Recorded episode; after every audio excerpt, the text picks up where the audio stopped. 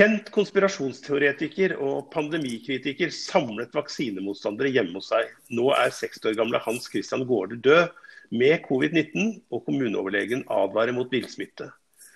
OA har snakket med en som har fulgt Gaarder og miljøet med antivaksinemennesker i Norge i flere år.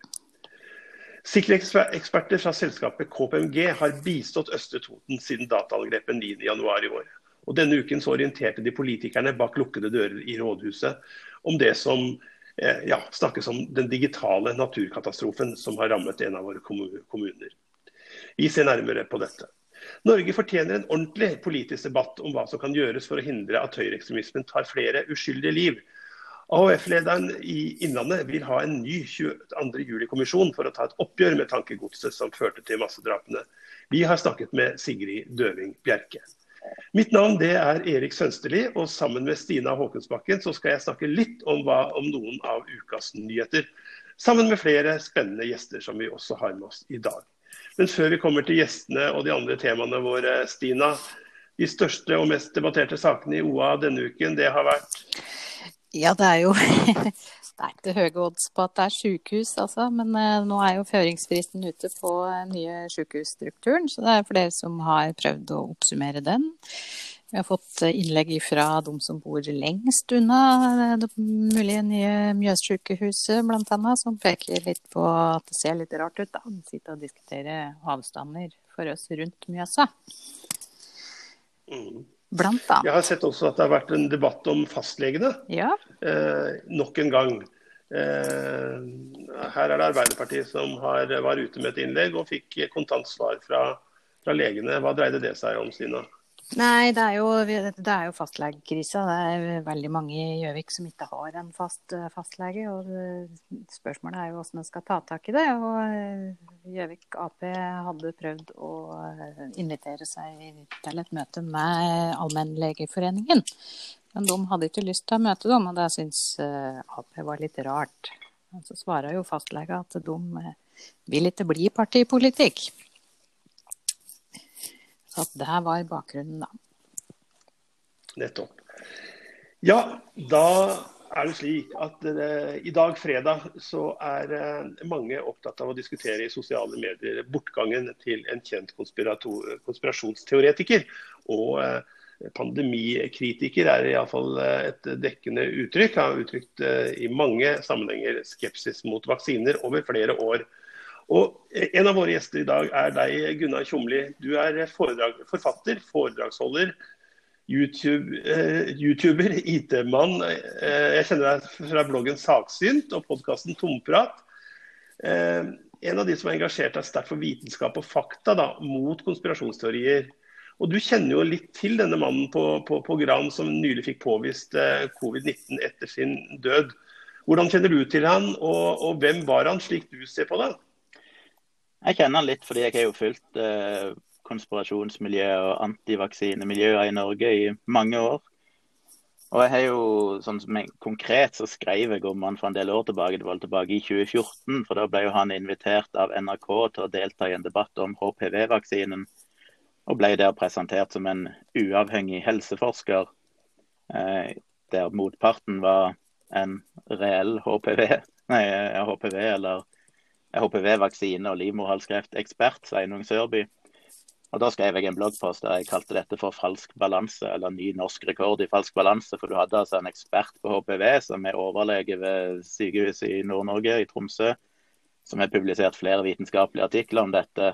Og så på den andre sida så har du en fyr som har ingen som helst faglig bakgrunn, og har bare brukt de siste årene på å spre konspirasjoner og ideer om at han snakker med aliens intervjuer aliens, og at Jonas Gahr Støre er en biorobot, og at alle vaksiner er livsfarlige og fører til autisme og sånne ting. Og Det mente jeg var veldig uansvarlig av NRK, og det førte jo til tidenes klagestorm mot NRK. Den er jo blitt overgått i senere tid av andre saker, men på det tidspunktet så førte den saken til de fleste klager. Så jeg kjenner han jo litt sånn. Eh, min oppfatning av Hans Gaarda er jo at han farlig, for jeg mener at det er farlig å spre ideer om at vaksiner er livsfarlige og er en del av et komplott fra norske myndigheter sånn mot folket. Eh, så I den forstand så mener jeg at alle vaksinemotstandere er farlige, og spesielt i 2021 når vi har en pandemi og vi faktisk har effektive vaksiner. Men han var ufarlig i den forstand at han var ikke Jeg oppfatter aldri han som aggressiv eller ondskapsfull, som en del andre i disse miljøene er, som bruker mye tid på sosiale medier for å knuse meningsmotstandere, diskreditere de og spre løgner og alt mulig sånn.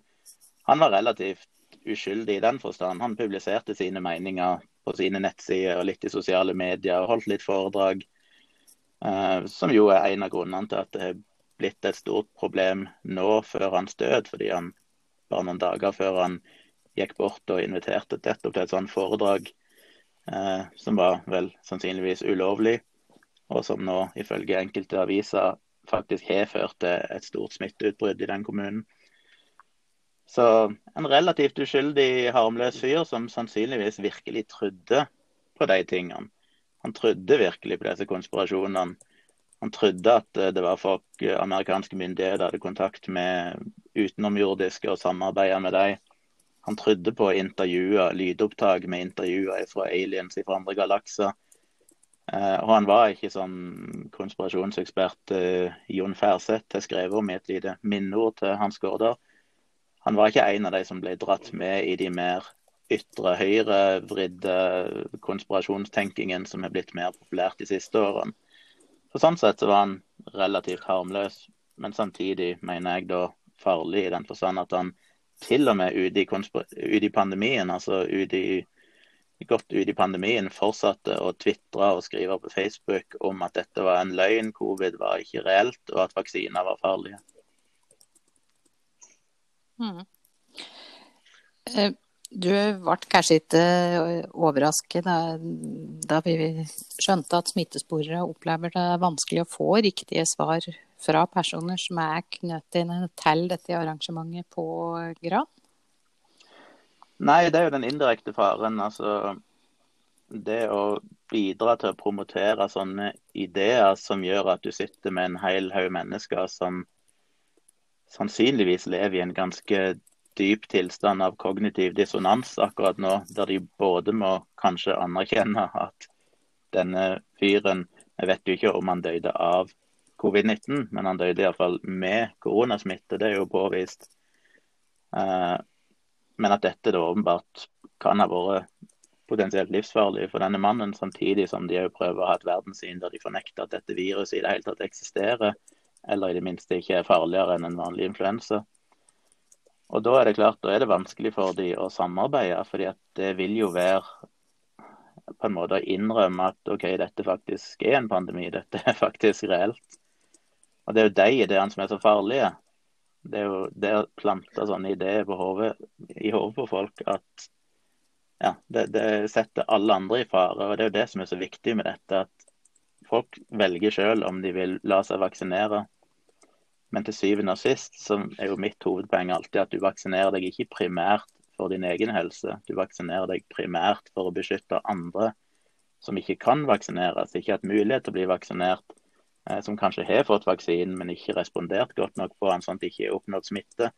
Dette er et slags altruistisk eh, kollektivt samarbeid vi gjør for å prøve å beskytte folket. Og Jo flere som da melder seg ut av det samarbeidet, jo større risiko står vi alle i. Og Det ser vi jo spesielt godt når de da heller ikke vil bidra til smittesporing, som da setter andre folk i direkte fare. Vi vet at eh, Gran kommune vil politianmelde arrangementet, og vi skal ikke foregripe begivenhetens gang her. Og, og uh, Gårde kan jo da heller ikke uh, forsvare seg i, i, forhold til de, de meninger han har gitt, uh, gitt, uttrykk for og som han blir kritisert for. Men, men det, vi ser jo på reaksjonene på sosiale medier som at det er et miljø her både for vaksineskepsis, konspirasjonsteorier. Og hvor store er slike miljøer, tenker du? Hvor mange, hvor mange tilhengere, om man kan bruke et slikt uttrykk, eh, eller følgere, eh, hadde, hadde eh, gårder? Og, og, hva er det som er veldig typisk med de? Nei, Det syns jeg alltid er veldig vanskelig å tallfeste. Det er jo en kjerne på noen, eh, kanskje noen titalls mennesker som er veldig høylytte i sosiale medier. Men det er klart, disse ideene følger jo en slags sånn normalfordeling i intensitet. det er helt legitimt og forståelig at det finnes mange som er usikre på f.eks. disse vaksinene, um, og kanskje gi uttrykk for det. Men så har du den der hva skal vi kalle det, den 10% den ytterkanten, som er på en måte det jeg vil omtale som rabiate vaksinemotstandere, eh, som er veldig høylytte. Og det er klart, Du har jo aktører nå, flere som har gått ut i hans krets og skrevet om hans dødsfall og sagt at dette er bare en løgn, det skyldes ikke covid. Det det egentlig skyldes, er 5G. Det var det som egentlig tok livet av han. Eller de insinuerer at han kan ha blitt drept fordi han var modig nok til å tale mot på en måte ideen om at covid-pandemien COVID var reell. At det er en sånn dypstat-aktører som har tatt livet av han hvordan tenker du vi skal forholde oss til alt dette? Som du sier, det, det blir veldig synlig da, på eh, sosiale medier. Og, og, vi ser jo eh, Når vi ser f.eks. storminga av den amerikanske kongressen, så begynner jo sånn konspirasjonsteorier å bli veldig aktuelt og et stort tema. Ja, og det er jo ikke noe nytt for oss som har fulgt med på dette. Jeg mener jeg har skrevet om dette i, i 15 år og sett nettopp de koblingene mellom vaksinemotstandere, eh, tilhengere av alternativ medisin og høyreekstreme krefter. At de ofte samles altså Det ser en jo i disse eh, pandemi- eller lockdown-protestene som de har foran Stortinget hver lørdag i Oslo. Det er jo et sånn sammensurium av uh, forskjellige folk. Og det de er til felles, er jo en slags motstand mot eliten eller motstand mot det etablerte. Det er jo det som er kjernen i dette. En slags dyp skepsis til myndighetene. Og et sånn dypt uh, ønske om frihet, å kunne stå alene og ikke måtte forholde seg til flinke fagpersoner som tror de vet bedre enn noen andre. Så dette det har vi jo sett i veldig mange år. Men det har jo blitt uh, veldig mye mer tydelig nå med QAnon-konspirasjoner fra USA som nå etter hvert har kommet til Norge og En ser det i kommentarfelt rundt forbi. Det, så, så QAnon er på en måte den perfekte blandingen av alle verdens konspirasjonsteorier samla i ett. Og som plutselig er gitt et slags rammeverk for all denne galskapen, som jeg vil kalle det. Uh, og har dermed fått en ren, en sånn konkret politisk effekt. Mens det tidligere var litt sånn ja ja, konspirasjonsteoretikere er noen rare folk, men vi trenger ikke å bry oss mye om dem så har det i dag en direkte innvirkning på verden. Eh, spesielt USA, men da selvfølgelig òg resten av verden etter hvert. Så vi er nødt til å forholde oss til det. Det er ikke noe du kan bare avfeie lenger som ja, ja, la folk tro på det de vil. Dette er reelle effekter. Og spesielt når det gjelder vaksinemotstand, så har vi jo sett de siste 20-30 årene at hver gang det har vært utbrudd av meslinger f.eks. i USA og Europa, så stammer det ifra miljøer som er vaksinemotstandere. Og Det fører til sykdom, det fører av og til til dødsfall. Dette er liksom blodig alvor. Vi må møte dette, og vi må løfte det fram og vise at dette er faktisk farlige ideer som må bekjempes.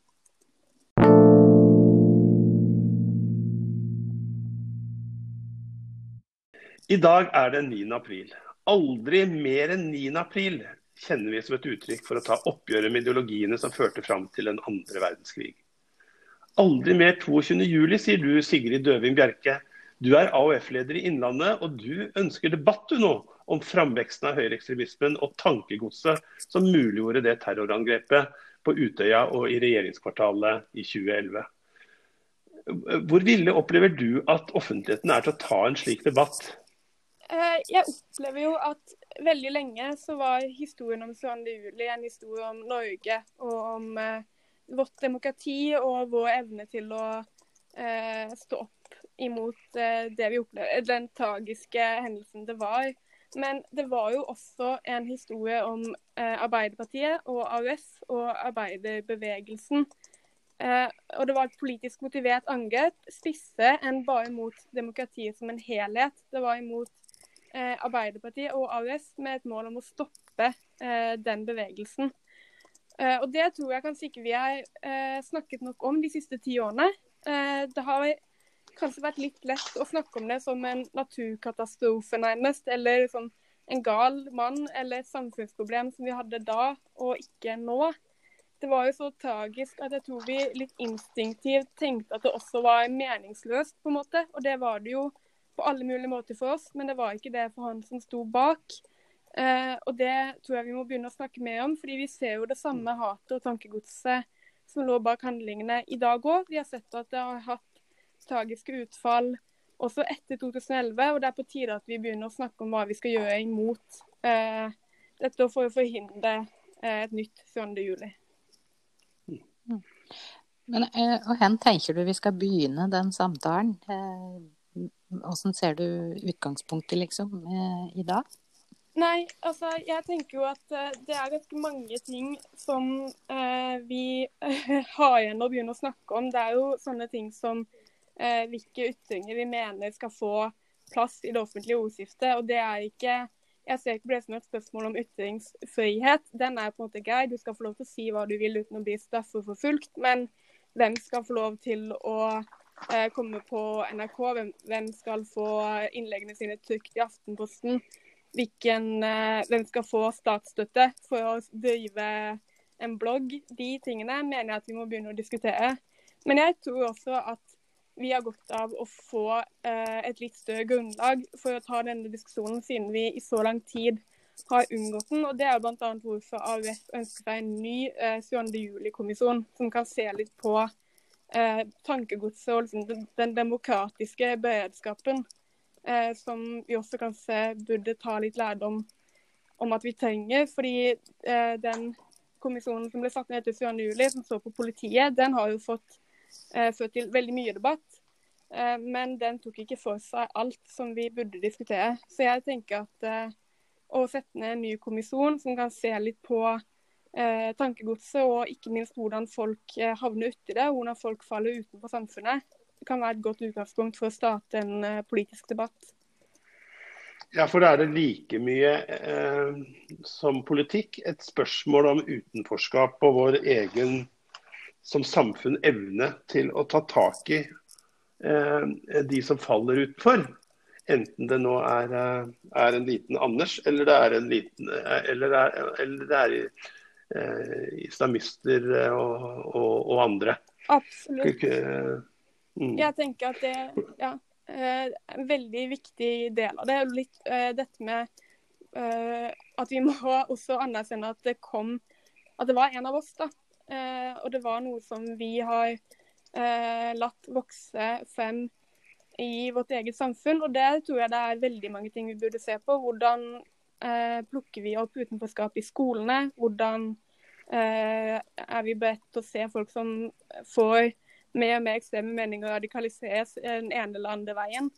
Eh, og i det spørsmålet så tror jeg jo heller ikke det er sånn at eh, AUF eh, og jeg eller Arbeiderpartiet sitter på alle svarene. Så det er jo dette vi må ha en politisk debatt om, denne utenforskapen.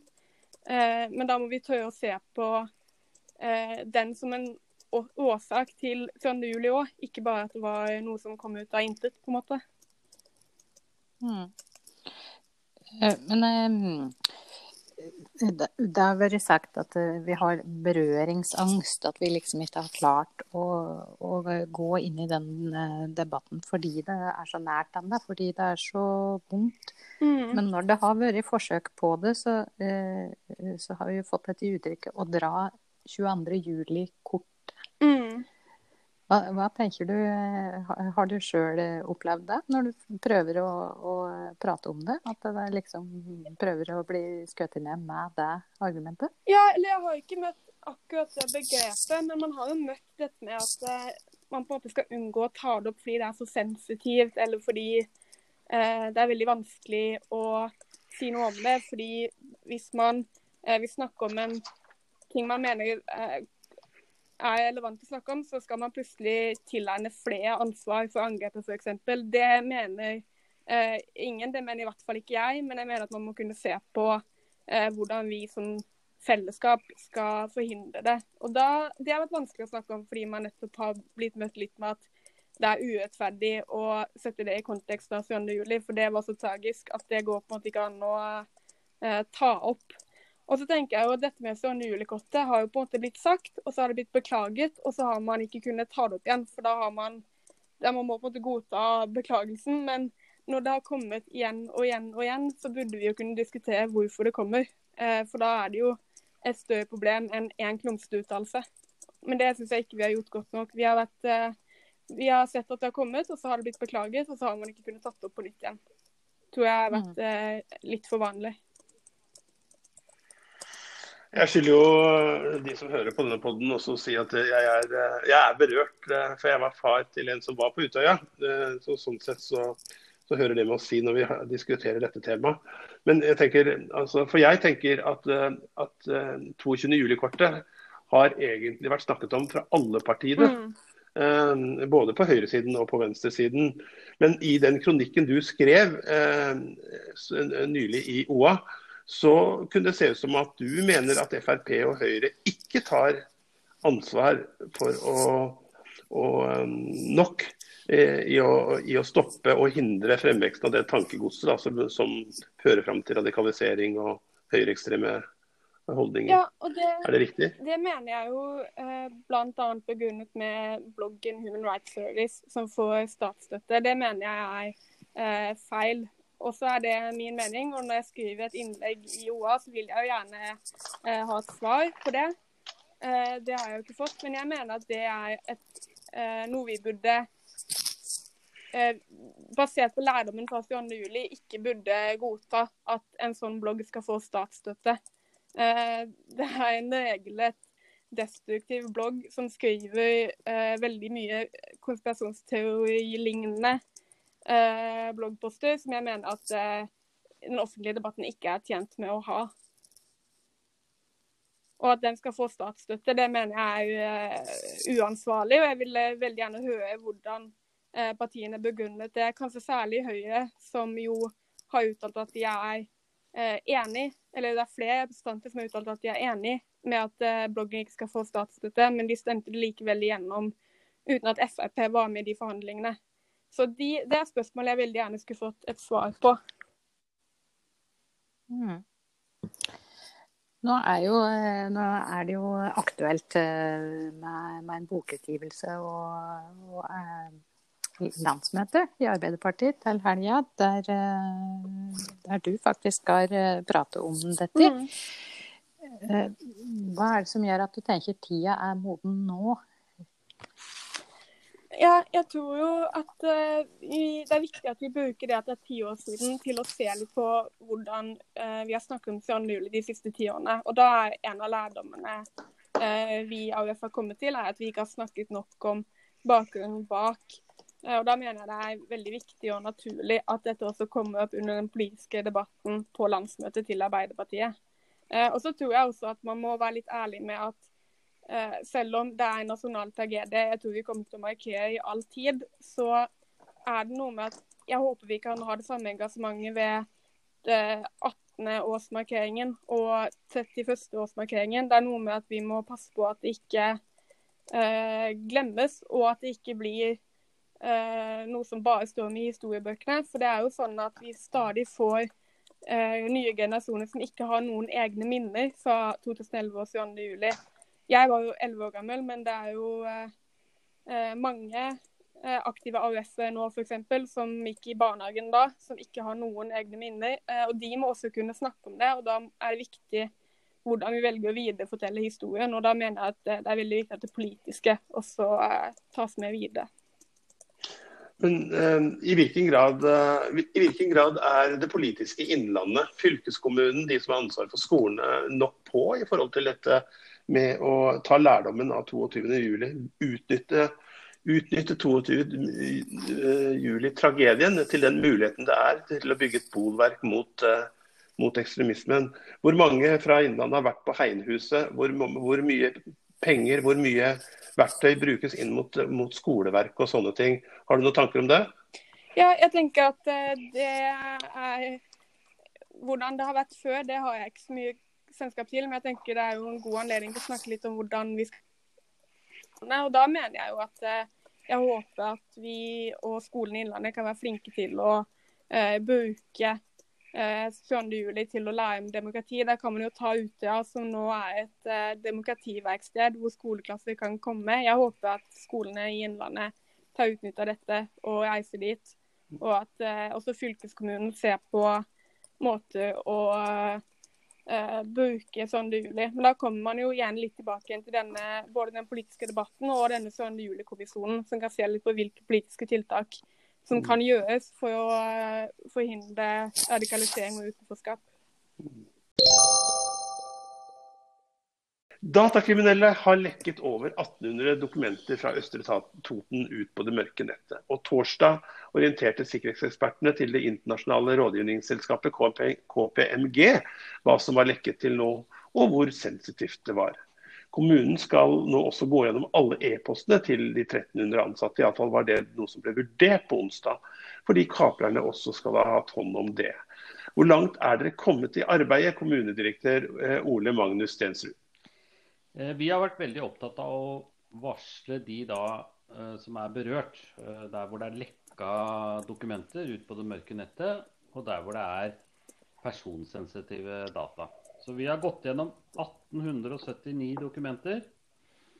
Og av de så er det sånn at vi har funnet ut at 79 av de dokumentene de inneholder personsensitive data. Uh, av en karakter som gjør at vi må varsle uh, de dette omfatter. Og personsensitive data her, det er stort sett helseopplysninger.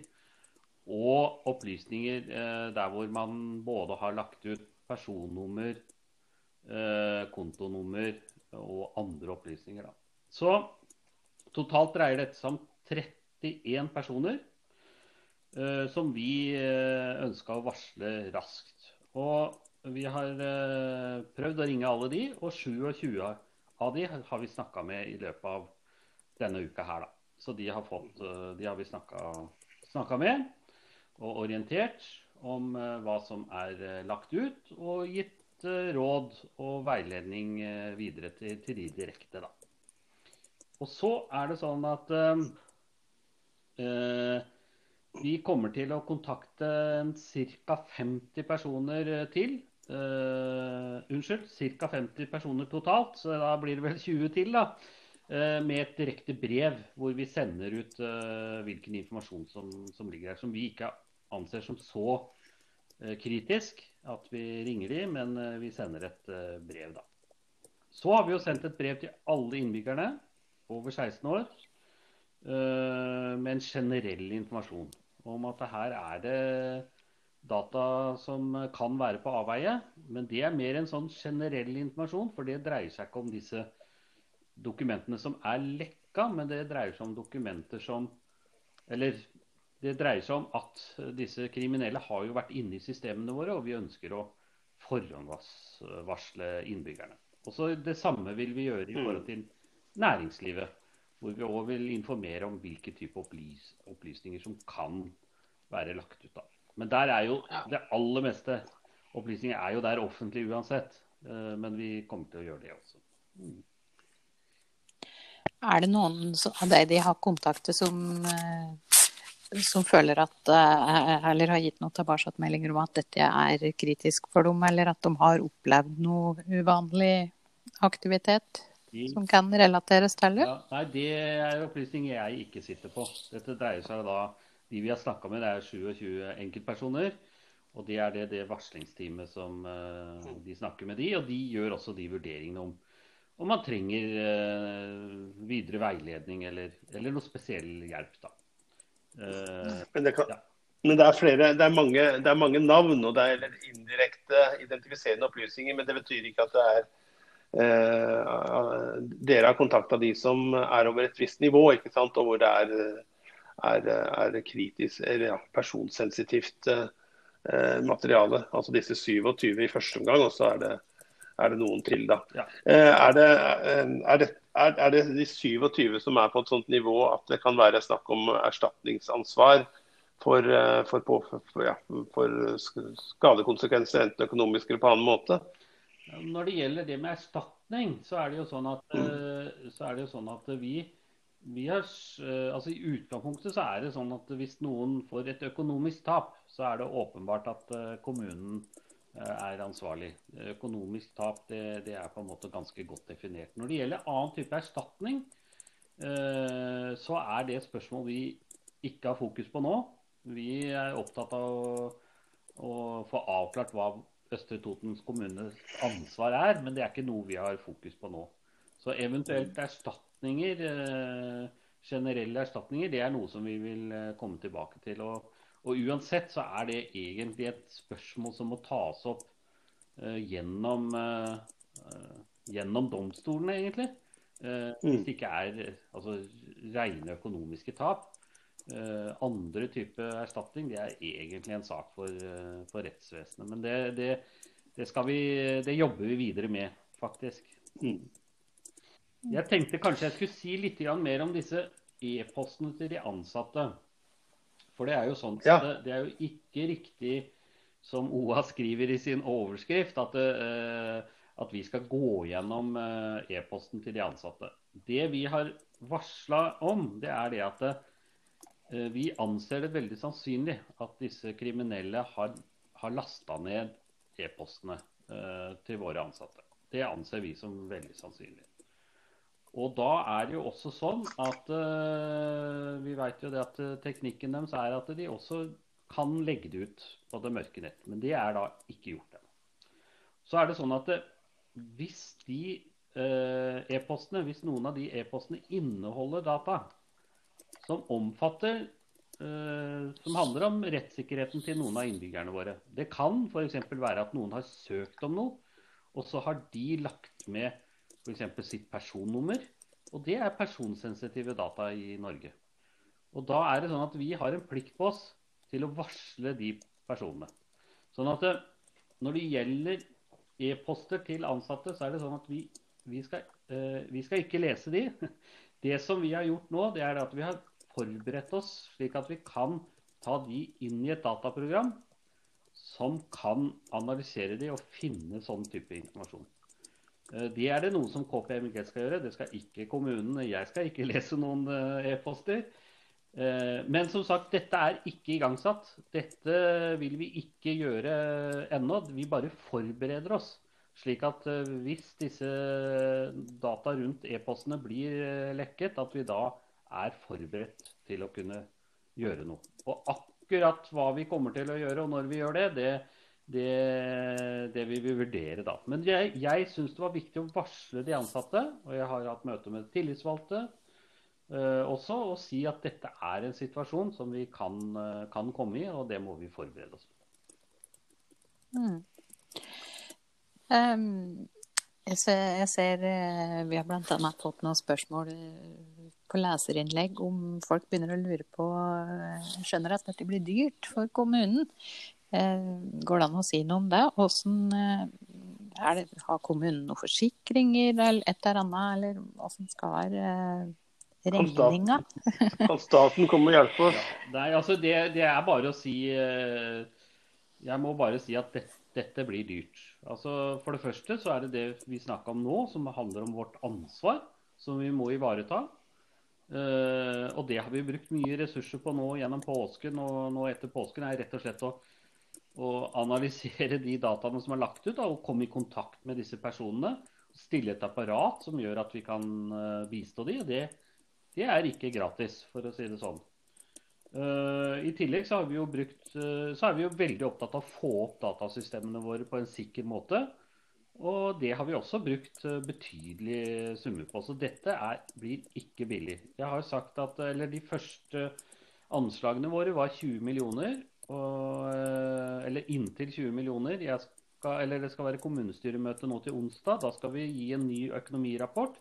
Men jeg kan allerede nå varsle at eh, det kommer til å bli mer enn 20 millioner kroner. Så dette er store beløp.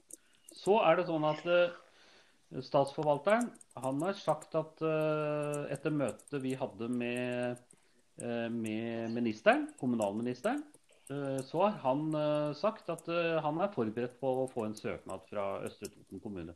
Dette er jo en krise som har ramma kommunen. Og når det er kriser som ja, naturkatastrofer eller andre ting, så er det jo sånn at det fins midler hos, hos, staten. Så de vil vi søke om. Men ja. ja så, er, dette, er, er dette en, natur, en, digital naturkatastrofe? Ja, jeg vil si at dette er en uh, digital katastrofe. Det er jo ingen kommuner som har blitt utsatt for dette i en sånn omfang. Uh, og vi har blitt satt helt på bar bakke. Uh, og det har liksom vært så totalt. Og det er derfor det har, vært så, har tatt så lang tid. Og, og, det har vært så veldig mange forhold som vi har måttet avklare. Så egentlig som, som, første kommune, da. Og da er det sånn i offentlig sektor at det fins litt midler sånn at kommunen ikke må bære dette helt selv. Men at det blir dyrt, og også for Østre Toten, og at dette er en veldig dyrekjøpt eh, lærdom, det er, eh, det er helt sikkert. Ikke sant? Så kan, En kommunedirektør kan si det for å bare forberede innbyggerne på at, eh, at uh, vi kan ikke fri oss for det hele. Dette må nødvendigvis også i en viss grad gjenspeile seg på skattesedlene våre, på gebyrer på tjenester, alternativt på kutt i tjenestetilbud.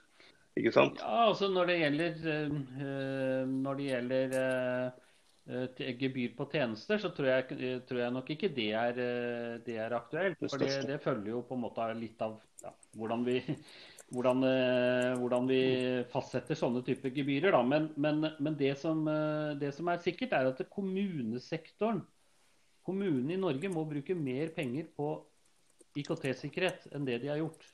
Og det, Sånn som kommunene finansieres i Norge, så er det sånn at Stortinget bevilger en en sum penger, og så får vi penger i forhold til å yte tjeneste til innbyggerne.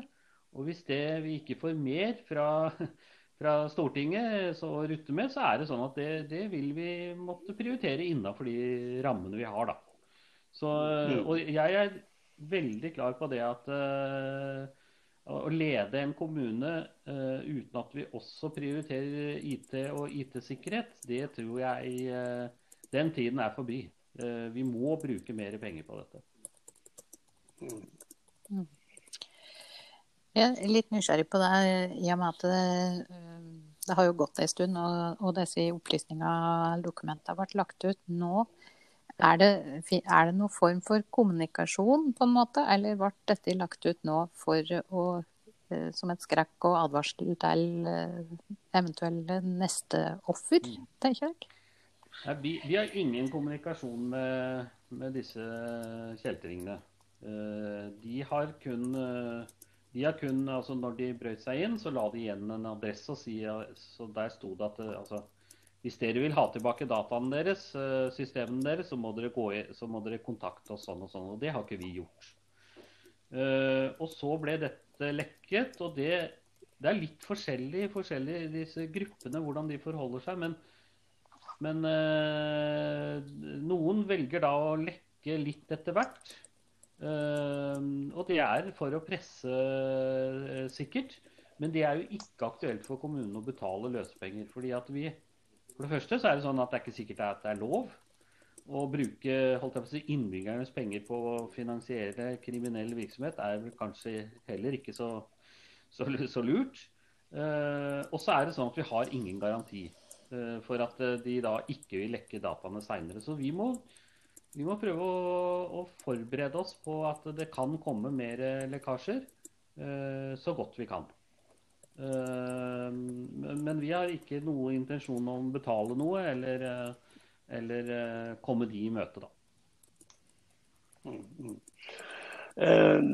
KPMG, det internasjonale revisor- og og, eh, og rådgivningsselskapet de har vært med dere mer eller mindre hele veien. Hvor viktig vil du si bistanden eh, deres har vært? Ja, Det har vært uh, veldig viktig. Sammen med leverandørene våre og uh, ja, kommunesektoren sin eh, KS, altså kommunesektorens interesseorganisasjon, og andre kommuner rundt oss. Og, sånn. Vi har jo prøvd å spille på mange. men men det er ikke å legge skjul på at det, KPMG har, eh, har, vært en veldig viktig, viktig, part for oss. Fordi at de sitter på kompetanse eh, om datasikkerhet. Og det har vi brukt de til. Så når vi nå har satt opp systemene på nytt, eh, så bruker vi de nå på det for å gjøre vurderinger. Og også på å overvåke systemene som vi har satt opp. Det bruker vi KPMG på. Uh, og så har vi brukt det i forhold til rå, annen type rådgivning. Eh, og så rett og slett for å koordinere alle hendelser, da, som, eh, eller ja, alle aktiviteter, for å få systemene opp igjen på en sikker måte. Så der har vi brukt de. Og så er det sånn at jeg har også bestilt en rapport eh, som skal være ferdig til eh, sommeren, hvor de går gjennom og ser på altså, hva, hvordan var IT-sikkerheten før hendelsen. Eh, hvordan kunne dette skje? Og hva skal vi lære av det? Eh, så, så det, det, er også en eh, Vi lager en uavhengig rapport eh, for, for meg, for dette er jo mitt ansvar. De lager en rapport, og, og den skal vi bruke til erfaringsarbeid videre. da. For Jeg har jo valgt å, å si det at altså, det er kommunedirektørens ansvar. Eh, det er et stort ansvar som er lagt på kommunen å forvalte alle, denne, alle disse dataene. Det er kommunedirektørens ansvar at, er, at, man har gode nok kontrollrutiner og har det godt nok. Og det ansvaret har jeg tatt ved at jeg skal rydde opp og få oversikt i hva som har skjedd, og at vi forbedrer oss i neste omgang. Er, ja, det, sagt, det, det høres veldig disse, Jeg som legmann, disse, disse konsulentene fra private selskaper eh, uh, høres jo veldig dyrt ut, men, men de er verdt pengene sine. De har, de har jo ikke villet si noe om, uh, om sin virksomhet til, til Oppland Arbeiderblad, men det har vel sammenheng med at, at det er du som er oppdrag, oppdragsgiver. Ja, jeg, vi har jo som, vi har ingenting å skjule der. Nå er, det, nå er det sånn at En god del av det de har gjort, er unntatt offentlighet. For det har noe med Altså det har med IT-sikkerhet å gjøre. Men, eh, men, eh, når vi er ferdig og gjort opp regnskapet, så vil det også være mulig å se hva ting har, eh, har kosta. Men, men, det er klart at disse Dette er jo Innenfor sikkerhet så er det jo eh, internasjonalt veldig høy, eh, anerkjente sikkerhetseksperter som vi bruker. Eh, og det koster penger. Og, og jeg har tenkt sånn at jeg kan, jeg kan ikke ta risikoen for at vi tar opp systemene igjen, og så at vi får et nytt uh, innbrudd. For det vet vi har skjedd uh, flere steder. er det at man har liksom vært opptatt av nå må vi komme opp igjen. Nå må vi få systemet til å virke. Og så går det kort tid, og så får man et nytt innbrudd nettopp fordi man ikke har gjort nødvendige endringer på sikkerheten. Og for Østre Toten, da, hvor vi har hatt dette, dette angrepet, har vært liksom mer eller mindre totalt. Eh, det er det som har gjort at det har tatt så lang tid og blir så veldig kostbart. Da Stina, er vi kommet til eh, den faste posten vår eh, i siste halvdel av programmet. Blomsterutdelingen. Mm. Eh, ja. Kaktus eller blomster? Nei, vi deler ut blomster. Ja, det hyggeligste. Ja. Har du noen, noen, noen, kandidat? Ja, det har jeg jo. Jeg tenker kanskje en, en sånn gratulasjonsblomst passer denne helga her. Eh, I går, eller førdagen, så kom nyheten om at Øveråsen eh, har hentet inn i stor ordre på sjølgående brøytebiler fra Gjøvik for 400 millioner som skal eh, brøyte flyplassene våre. Det betyr sjølsagt eh, mye for dem i, i, disse tider, som det heter. Fordi trafikken har vel stått mer eller mindre helt stille i, i, over et år nå. Ja, det har det. Ja, så kan jeg dele ut uh, en blomst til Amanda Marie Leituri Tandsæter. Uh, hun oppfordra folk til å ta covid-19-vaksinen, og fikk mange negative tilbakemeldinger. Hun skrev et leserinnlegg i OA hvor hun argumenterte for hvor viktig, hvorfor hun syntes det var viktig at alle som kan, tar vaksinen mot covid-19. Og, eh, og, Da fikk hun altså flere kommentarer, flere mailer og meldinger eh, som, eh, som eh, hun syntes var vanskelig å ta imot, og som hun reagerte skarpt på. da. Ja, jeg tenker I de tidene vi har, så ja, jeg deler ut en blomst til, eh, til eh, Amanda. Det gjør jeg. Ja, så igjen en kaktus kan jeg slenge på til alle disse sullemikka som driver og sender sånne meldinger. Det, uff, slutt. Ja, det, det må det bli slutt på. Det er sagt at vi, at vi La oss ta og argumentere, og ikke, ikke karakterisere som en del av disse kommentarene. Vi må jo gjete kommentarfeltene våre av og til, og det er synd. Ja, hva skjer? Eh, Vest-Oppland eh, post påske 2021. Eh, da skal jo liksom ting våkne til live. Stina, ser du noe eh, aktiviteter eller noen spor etter, etter noen kulturarrangementer? Eh, ting og tang vi kan gjøre? Loppemarkeder? Et eller annet vi kan gjøre? Ja, jeg ser og ser. Det er ikke lov? Er det Nei, foreløpig så er det jo litt på vent, da. Til, til den 14. nå. Litt usikker på det. har jo vært Jeg vet det var noe på Samfunnet i påsken, men jeg er usikker på om de hadde noe på gang nå i helga. Ja. Men det er iallfall Så det er, det er kort fortalt hva som skjer, naturlig nok. Så vi får holde oss i skinnet, folkens. Men Erna ga jo en slags plan for en gjenåpning. Og jeg så iallfall at kulturlivet var ikke, var, ja, var ikke så misfornøyd med det. Eh, i uka jeg så Frode Hermanrud hadde en oversikt over det. Det er jo litt spennende. Det, jo, det går jo fort både mot urbaneåpning og plutselig så er det sommerslager òg. Mm. Ja, nei, de, så vi får håpe at det går Det er jo eh, Ja, urbane tror jeg nok eh, mener jeg har hørt det. At det skal gå etter de restriksjonene som kommer, i hvert fall. Sommerslagere ja, er jo såpass seint at da begynner vi å ha fått sprøyta hele gjengen? Da sitter vi nysprøyta hele gjengen og, og nyter, nyter sensommeren. Ja, Tror det blir vanskelig å selge billetter til sommeren, i hvert fall. Nei.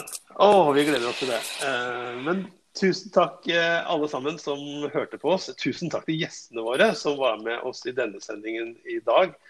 Last ned podkastene våre, folkens. Eh, og så må dere alle sammen ha en riktig god helg. Thank